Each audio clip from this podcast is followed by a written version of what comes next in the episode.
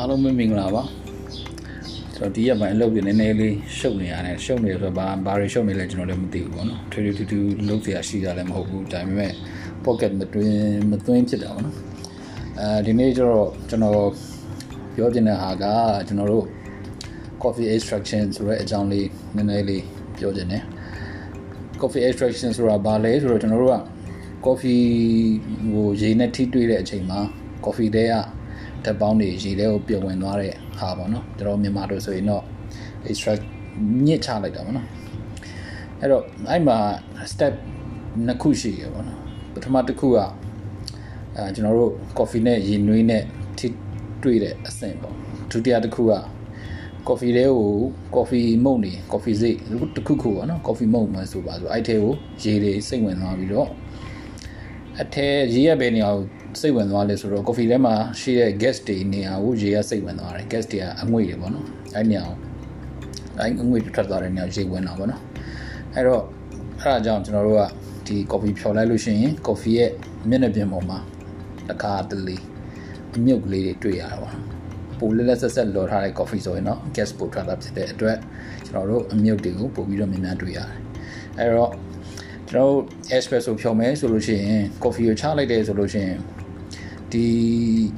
ကြတဲ့အချိန်တူတူပဲဆိုတော့ညာလေလက်လက်ဆက်ဆက်လော်ထားတဲ့ coffee ဆိုလို့ရှိရင်အထဲမှာရှိတဲ့ carbon dioxide တွေကထွက်လို့မကုန်သေးတာဖြစ်တဲ့အတွက်ကျွန်တော်တို့ coffee ချမယ်ဆိုလို့ရှိရင် espresso အပေါ်မှာအာ golden cream မှာလို့ခေါ်တဲ့ရွှေရောင်မြုပ်လေးတွေတွေ့ရတာဖြစ်ပါတယ်အဲ့တော့ရွှေရောင်မြုပ်ကလေးတွေအရန်များတယ်အရန်နေတယ်ဆိုတာကကျွန်တော်တို့ဒီလော်တဲ့အပေါ်မှာအများကြီးတက်ရောက်မှုရှိပါတယ်အဲ့တော့အာလော်ထားအရန်ကြာသွားတယ်ဆိုရင်တော့ အမြုပ်ကလေးတွေထွက်ပါတယ်သူပေမဲ့သူရဲ့တတ်မှတ်ထားတဲ့အမြုပ်လောက်ပဲထွက်ပါတယ်အဲလော်ထားအသိမကြသေးဘူးဆိုရင်တော့အမြုပ်တွေအများကြီးထွက်ပါတယ်အဲ့တော့ကျွန်တော်တို့က coffee တစ်ခွက်ကို espresso ချကြည့်လိုက်မယ်ဆိုရင် cream တွေပေါ့နော်အပေါ်ကအမြုပ်ပေါ့ cream cream တွေအများကြီးထွက်တယ်ဆိုလို့ရှိရင်ကျွန်တော်တို့ကအဲ့ဒါကိုအရန်လော်ထားအရန်မကြသေးတဲ့ coffee လို့သတ်မှတ်လို့ရတယ်ဒါပေမဲ့တခုရှိတာကကျွန်တော်တို့ espresso ဖြောင်းမယ်ဆိုလို့ရှိရင် espresso ကကျွန်တော်တို့အပေါ်ကဖိအားနဲ့ဖိပြီးတော့တွန်းလွတ်တာဖြစ်တဲ့အတွက်အမြုပ်က လော်ထားတာတော်တော်ကြာလဲထွက်တယ်အဲ့ဒါကြောင့်လော်လော်ပြီးချင်းဆိုလို့ရှိရင်အမြုပ်တွေကအင်မတန်ထွက်ပါတယ်အဲ့ဒါကြောင့်ကျွန်တော်တို့တွေက espresso လော်ပြီးသွားတယ်ဆိုလို့ရှိရင်အနည်းဆုံး24နာရီနဲ့82နာရီလောက်အတော်အတွင်းကိုကျွန်တော်တို့က container တစ်ခုထဲမှာခဏထားထားရပါတယ်အဲ့လိုထားထားလိုက်တဲ့ coffee တွေဟာအဲ့ချိန်မှာ gas တွေအရန်ထွက်ပါတယ်အဲ့နာမှာအရန်မွေးပါတယ်အဲ့တော့အဲ့လိုထားပြီးသွားမှသူ့ရဲ့ gas တွေတော်တော်များများလေးထွက်သွားပြီဆိုမှကျွန်တော်တို့ကဖြော်မယ်ဆိုလို့ရှိရင်အမြုပ်တွေအလွန်ကျွံထွက်တာကိုမဖြစ်စေမှဖြစ်ပါတယ်အဲ့တော့အမြုပ်အရန်များနေတယ်ဆိုရင်ကျွန်တော်တို့ကဒါ negative အဆိုးမြင်ရမှာမဟုတ်ပါဘူးဒါလက်ဆက်တဲ့ coffee ဖြစ်တဲ့အတွက်အမြုပ်တွေများနေရခြင်းဖြစ်ပါတယ်ပြီးလို့ရှိရင်ကျွန်တော်တို့ကအဲ့ဒါလေးကိုဆက်ပြီးတော့ထားထားလိုက်မယ်ဆိုလို့ရှိရင်အမြုပ်တွေကနောက်တရက်တက်တရက်နည်းနည်းသွားမှဖြစ်ပါတယ်အဲ့တော့ကျွန်တော်တို့ကအမြုပ်အရန်များတယ်ဆိုလို့ရှိရင် espresso ဒီကျွန်တော်တို့ ချတဲ့အချိန်မှာနည်းနည်းလေး confuse ဖြစ်တာမျိုးလေးရှိတယ်ပေါ့နော်အဲ့နေရာမှာကျွန်တော်ကတော့ဘယ်လိုလုပ်လဲဆိုလို့ရှိရင်ကျွန်တော် espresso one shot ကို30 ml နဲ့သွားနေတယ်ဆိုလို့ရှိရင်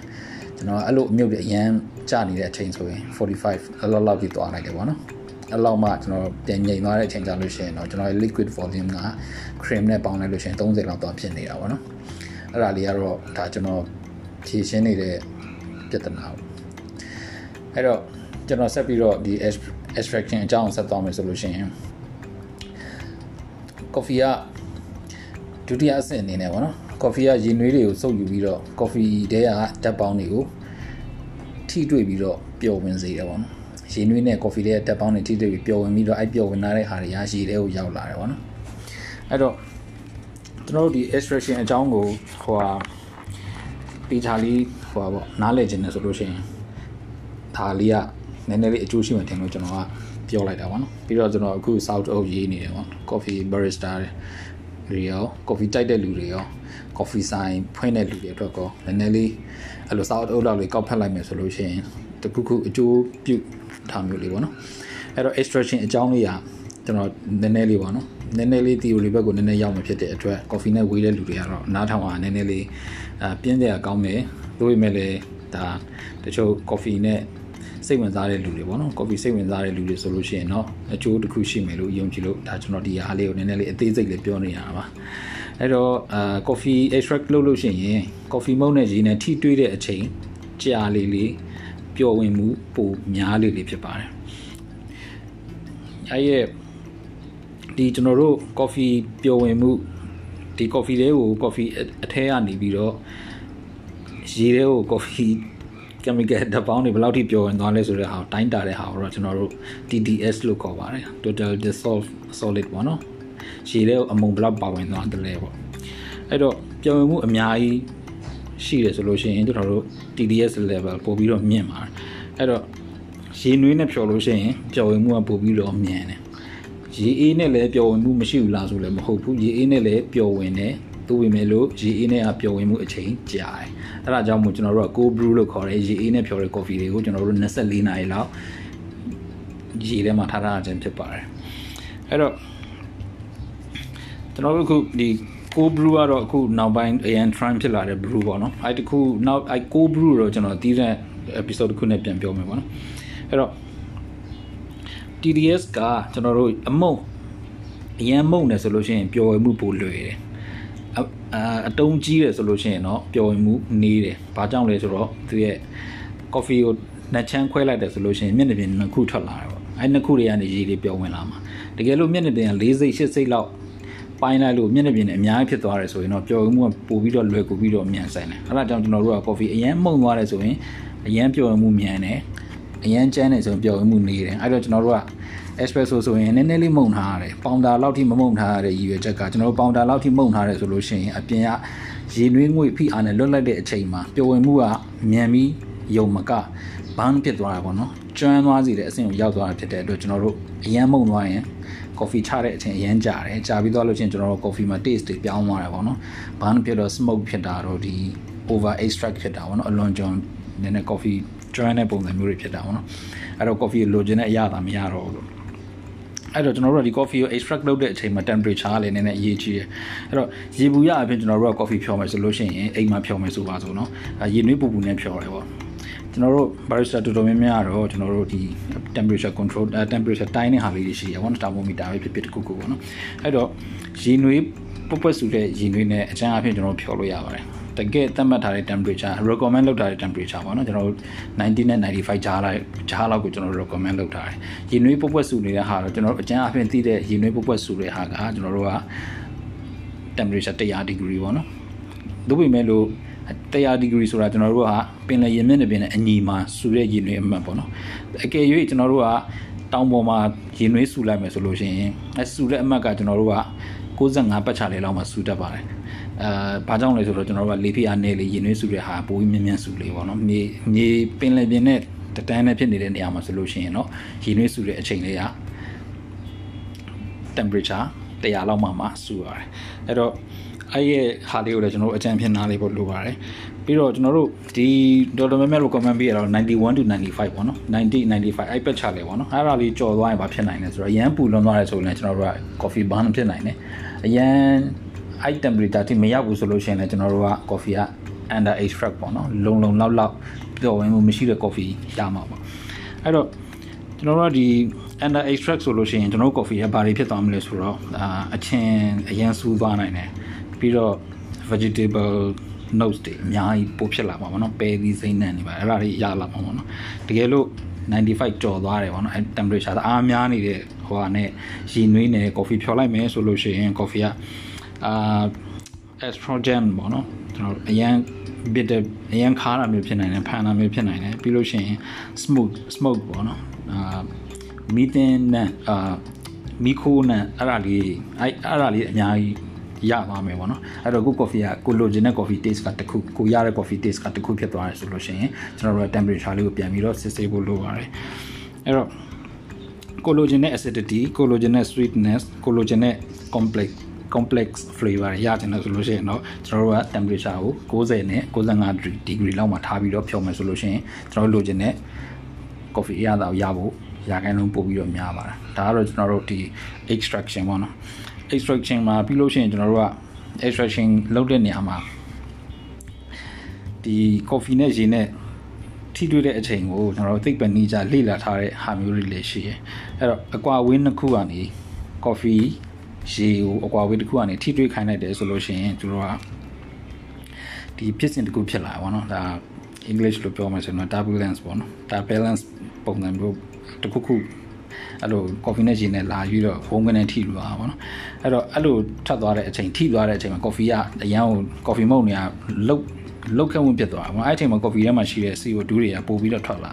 ပို့ပြီးတော့ထွက်လာရင်အဲ့ထဲကိုရေဝင်မှုပို့ပြီးတော့လွယ်ကူတယ်လွယ်ကူတော့ပို့ပြီးတော့ extract ပို့ပြီးတော့ပျော်ဝင်မှုကပို့ပြီးတော့မြန်ဆန်တယ်ပေါ့နော်ကျွန်တော်အဲ့ဖြစ်စဉ်အကြောင်းလေးတွေလည်းကျွန်တော်နားလည်ထားဖို့လိုတယ်အဲ့ဒါတော့အဓိကအဖြစ်ကျွန်တော် cold brew လုပ်တဲ့ cold brew မဟုတ်ဘူးပေါ့နော် brew coffee drip coffee အဲ့ coffee တွေမှာဆိုလို့ရှိရင်တော့ပို့ပြီးတော့အရေးကြီးရပေါ့နော်အဲ့တော့ဒီ coffee ရဲ့အနက်အရသာအပိုင်းတွေမှာလည်းအဲ့ဖြစ်စဉ်က balance ဖြစ်စဉ်ကအများကြီးတက်ရောက်မှု ရှိတယ်ပြီးလို့ရှိရင်အရေးအသွေးကိုတသက်မဲ့တဲ့ဖြစ်ချင်တယ်ဆိုလို့ရှိရင်အဲအကြောင်းနားလေတယ်ဆိုလို့ရှိရင်တော့ကျွန်တော်တို့က high control လုပ်တဲ့အပိုင်းလေးကိုပို့ပြီးတော့အဆင်ပြေပြေလုပ်လို့ရတာပေါ့နော်အဲ့တော့ကျွန်တော် extraction အပိုင်းလေးကိုတော့အာပြောမှဆိုတော့နည်းနည်းလေးကြံသေးတယ်ပေါ့နော်အခုကတော့ဒါပြောရင်ပြောရင်နဲ့နည်းနည်းလေးတီအိုလိုပဲအရန်ရောက်လာတယ်ပေါ့နော်အဲ့တော့ကျွန်တော်တို့က coffee ဖြောင်းမယ်ဆိုလို့ရှိရင်တော့ temperature အမုန်း size ပေါ့နော်အမုန်း size အာကျွန်တော် net coffee ဖြောမယ်ဆိုလို့ရှိရင်အရန်မှုတ်နေတဲ့ coffee တွေနဲ့ဖြောရင်အာနတ်ထားမှာဆိုတော့တိတ်အဆင်မပြေဘူး။ဘာကြောင့်လဲ။အရင်မှုတ်နေတဲ့ coffee တွေကရေထဲကိုပြောရမှုလွယ်ကူတယ်။အဲဒါကြောင့်ပေါင်တာလိုမှုတ်နေတဲ့ coffee ဆိုလို့ရှိရင်ရေနဲ့ထိတွေ့မှုမြန်မြန်ဆန်ဆန်ပြောဝင်တာဖြစ်တဲ့အတွက်ကျွန်တော်တို့ကမြန်မြန်ဆန်ဆန်အဲ့အမှုတ်မှုရေတွေကနေဖယ်လိုက်ရင်ကျွန်တော်တို့ကြံတဲ့ coffee ကတောက်လို့ကောင်းတယ်။အကယ်၍ဆက်ပြီးထားရမယ်ဆိုလို့ရှိရင်တော့ကျွန်တော်တို့ကသူ့ရဲ့မလိုလားအပ်တဲ့ဘာနဖြစ်တဲ့ အနံ့နေ smoke အနံ့နေရရလာမယ်အဲ့လိုနတ်မဲဆိုလို့ရှိရင်ကျွန်တော်တို့ကခွဲချမ်းနေနဲ့ကြီးတဲ့ဟာကိုသုံးရတယ်ခွဲချမ်းနေနဲ့ကြီးတော့ရေမှာပျော်ဝင်မှုနဲတယ်နဲတာဖြစ်တဲ့အတွက်သို့ပေမဲ့ကျွန်တော်တို့ကရေနဲ့စိန်နာတာဖြစ်တဲ့အတွက် coffee နှက်တဲ့အချိန်အကြာကြီးယူမယ်သို့ပေမဲ့ပျော်ဝင်မှုနေတာဖြစ်တဲ့အတွက်ရေနွေးအေးသွားတဲ့အချိန်နဲ့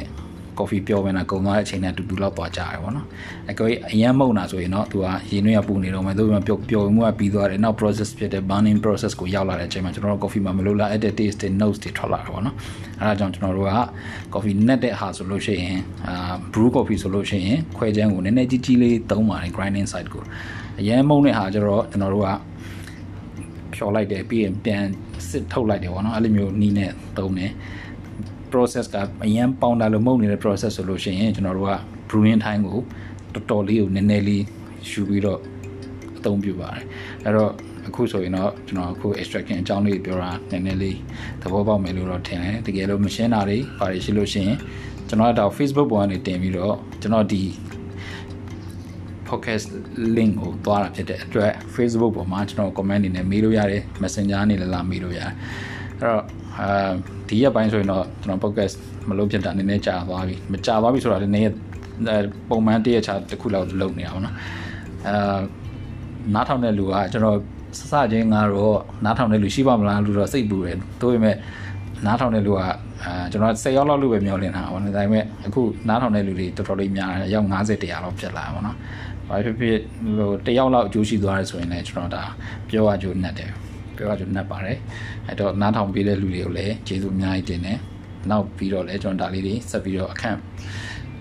အစင်တင်သလိုကျွန်တော်ရဲ့ knowledge လေးတွေ sharing လုပ်သွားမယ်ပေါ့နော်အားလုံးကျေးဇူးတင်ပါတယ်